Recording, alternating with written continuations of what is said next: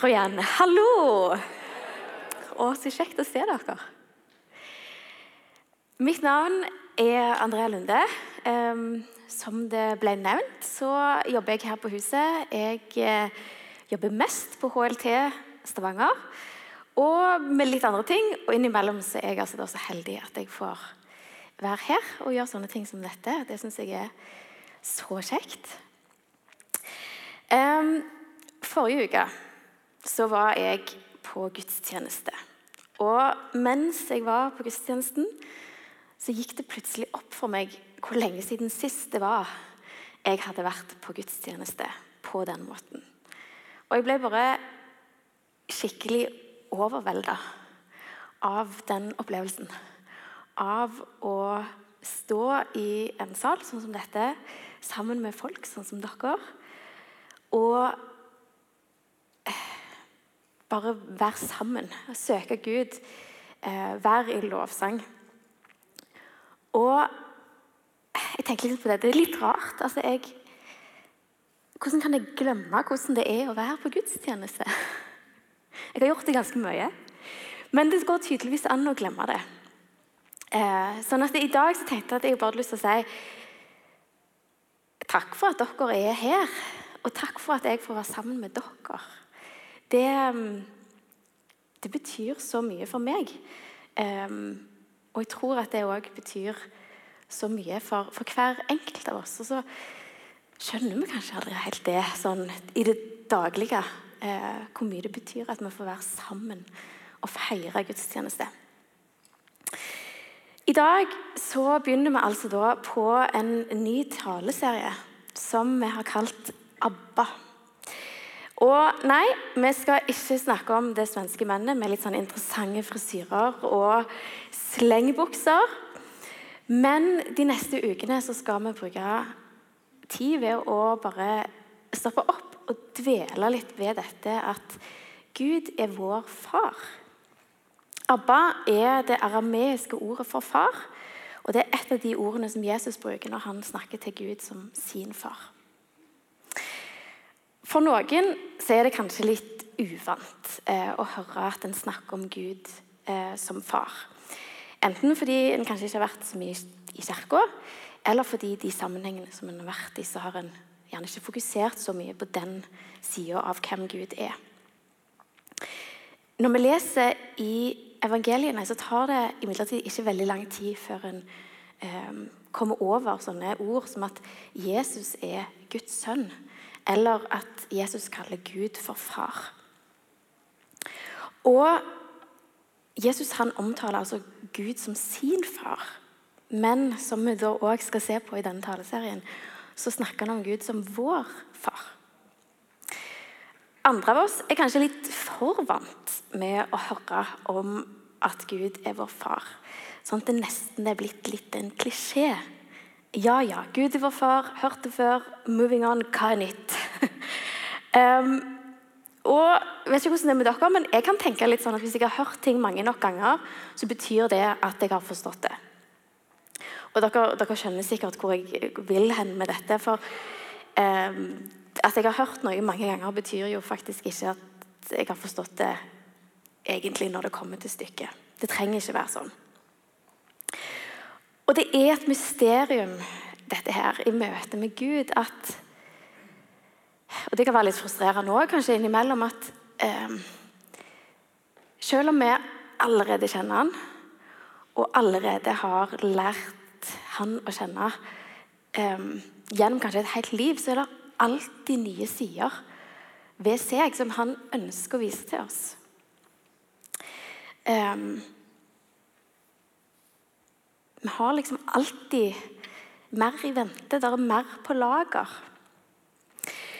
Så om dette er den første eller den endte gangen at du hører en tale om at Gud er vår far, så, så tror jeg at, det, at, Gud inviterer oss til å ta imot noe som er ferskt og nytt akkurat for i dag. Så på starten da, av denne taleserien så har jeg lyst til å stille et spørsmål til oss.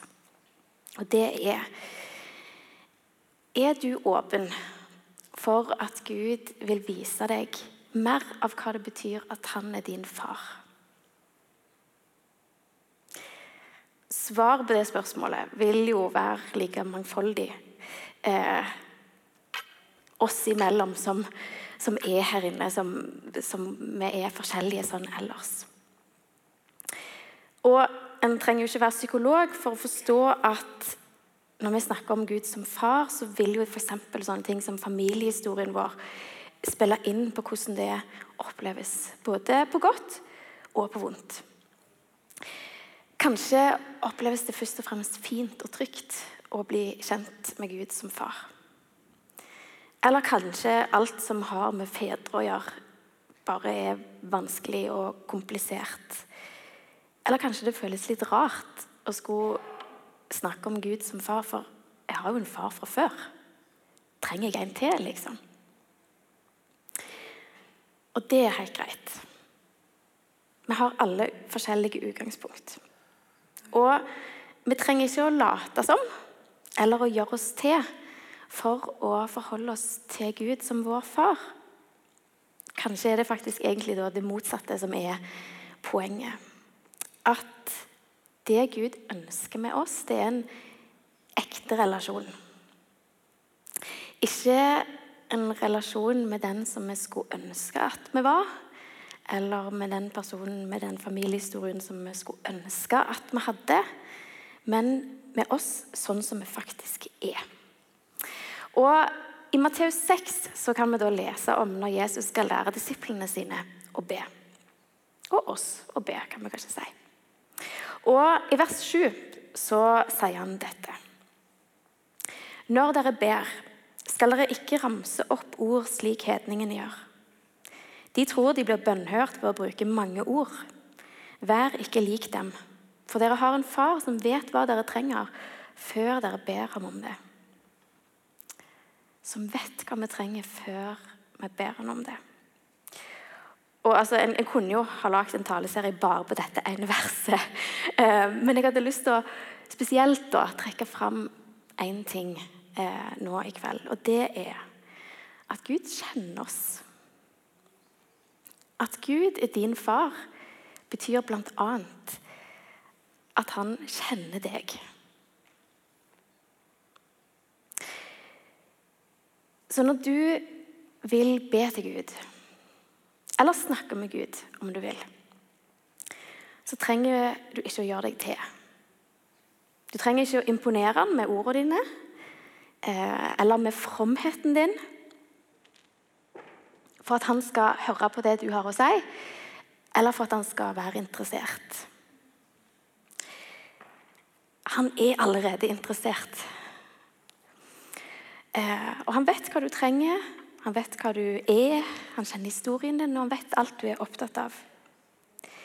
Vi trenger ikke gjøre noe for å fange oppmerksomheten, fordi vi har han allerede. Og David i Det gamle testamentet han eh, bruker disse ordene om det å være kjent av Gud. Og skal lese fra Salme 139. Herre, du ransaker meg, og du vet du vet om jeg sitter eller står. På lang avstand kjenner du mine tanker. Om jeg går eller ligger, ser du det. Du kjenner alle mine veier. Før jeg har et ord på tungen, Herre, kjenner du det fullt ut. Bakfra og forfra omgjør du meg. Du har lagt din hånd på meg. Det er et under jeg ikke forstår. Det er så høyt at jeg ikke kan fatte det. En ting som jeg bare setter mer og mer pris på eh, ettersom år og går, det er langvarige og gode relasjoner. Det er noe eget med disse relasjonene hvor en kjenner hverandre sin historie. En har gjerne fulgt hverandre gjennom forskjellige sesonger og faser i livet. Og det er noe som er bare så godt med å slippe å forklare eller å gi kontekst når en har lyst til å fortelle om noe som en er opptatt av, eller noe en har opplevd, eller bare noe som en har på hjertet. Rett og slett fordi den andre kjenner deg og vet. Som når jeg kan sende en melding til ei god venninne seint, seint på kvelden og si jeg traff en løs hund på vei hjem. Og så vet hun at jeg ble bitt av en løs hund for ti år siden og er ikke noe glad i hunder i det hele tatt. Men det trengs ingen forklaring. Eller når jeg har gode venner som skjønner akkurat hvor mye glede og liv det gir meg at vi endelig kan ha korøvelser igjen. Fordi de har hørt meg prate år ut og år inn om hvor fantastisk det er å synge i kor. Det blir liksom en annen type samtale med noen som Jeg vet ikke Vet hvem du var forelska i på ungdomsskolen, som husker det dårlige jobbintervjuet og hvordan det bare satt liksom i, oh, i ryggmargen i, i, mange uker etterpå. Som har vært der i, i både små og store ting. Og Det slo meg når jeg forberedte meg til denne talen i kveld, at den mest langvarige relasjonen som jeg har i livet mitt, er jo faktisk ikke med venner eller til og med med familie, men den er med Gud. Selv før jeg var klar over at Gud fantes, så var han i relasjon med meg. Og i den samme salmen som jeg nettopp leste fra, så sier òg David Dine øyne så meg den gang jeg var et foster. Alle dager er skrevet opp i din bok. De fikk form før en av dem ble til. Det er ingen del av ditt liv eller din historie som Gud ikke kjenner til. Han har vært der og er der i alle detaljene og i alle de store tingene. Når Jesus da videre i eh, Matteus 6 kommer til liksom selve bønnen som han skal lære disiplene å be, så begynner den, som sikkert mange av dere allerede vet, med disse ordene. Vår Far i himmelen. Eller Fader vår, du som er i himmelen. Opp med ei hånd. Er det noen andre som henger litt igjen i den gamle oversettelsen? Det er godt ikke bare er meg. Um, veldig vanskelig å på en måte lære om ting som en har lært utenat i, i ung alder. Um, men når Jesus altså skal lære disiplene å be, så lærer han dem å be til Gud som far. Og Hvis vi leser liksom forskjellige plasser i Nytestamentet, så, så er liksom ikke det bare en talemåte. Litt sånn som det kanskje kan virke hvis du på en måte bruker den gamle oversettelsen 'Fader vår'. Det høres litt formelt ut for, eh, for våre ører. Men det var et faktisk uttrykk for den han Eh, den relasjonen han hadde med sin far. På samme måte som du vil kalle din far for far eller pappa. Vi kan bl.a. lese om når Jesus er tolv år. De er på familietur i Jerusalem.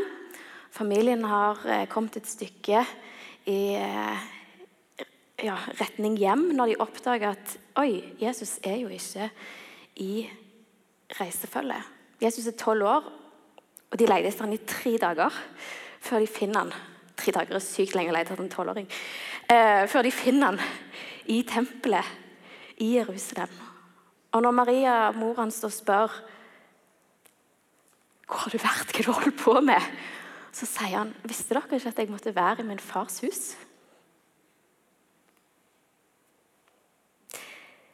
Eller når eh, Jesus blir døpt før han på en måte skal i gang med oppdraget sitt. Så står det at han eh, stiger opp av vannet, og så kommer der ei due over han, Den hellige ånd kommer over han i form av ei due. Og så er det da en stemme som lyder fra himmelen, og som sier Dette er min sønn, den elskede. I ham har jeg min glede.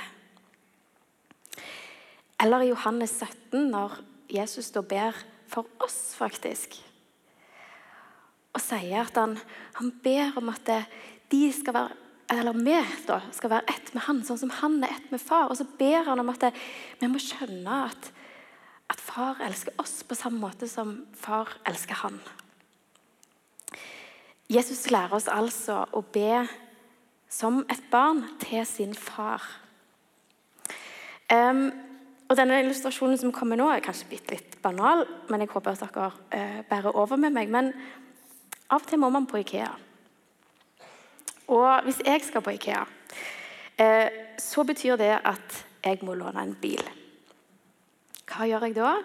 Jo, jeg sender en melding til mamma og pappa og skriver kan jeg låne bilen på lørdag. Og Det er jo ikke sånn at jeg da på en måte forbereder en sånn begrunnelsestale for hvorfor jeg må på Ikea akkurat nå. Eller begynner å tenke på om de egentlig tenker at jeg ikke burde spørre de om å låne bilen fordi at jeg burde være voksen nok til å ha min egen bil, eller at de kanskje tenker at jeg burde spurt noen andre. Den tanken har ærlig talt aldri streifa meg før jeg skulle begynne å lage denne illustrasjonen til denne talen. At det var noe jeg kunne tenkt på. Fordi jeg vet at de er glad i meg. Og jeg vet at de vil meg vel, og jeg vet at de vil si nei hvis det ikke passer. Det er også en viktig del av det. Altså Den der barnlige frimodigheten.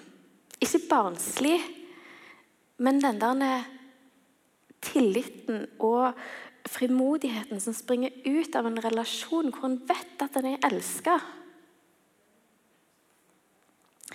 Um, det er den relasjonen som Jesus inviterer oss òg til å ha til far.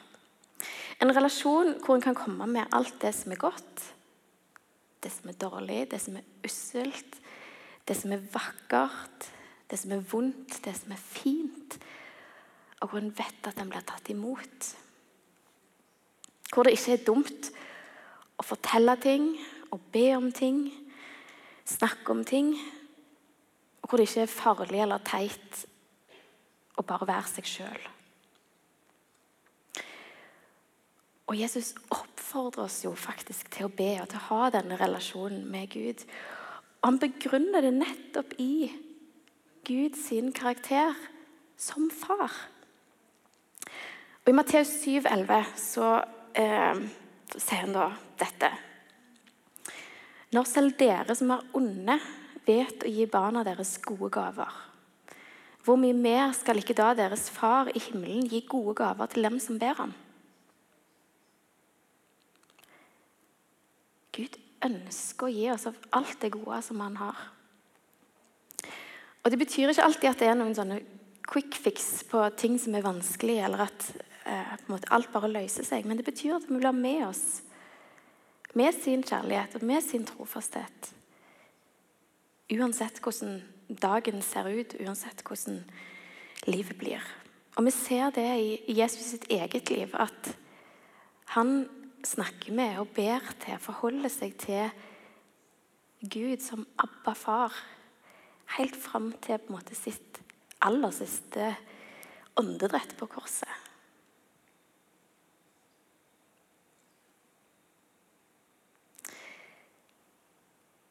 Når jeg har holdt på å forberede meg eh, til denne talen, så har jeg liksom kjent det at åh,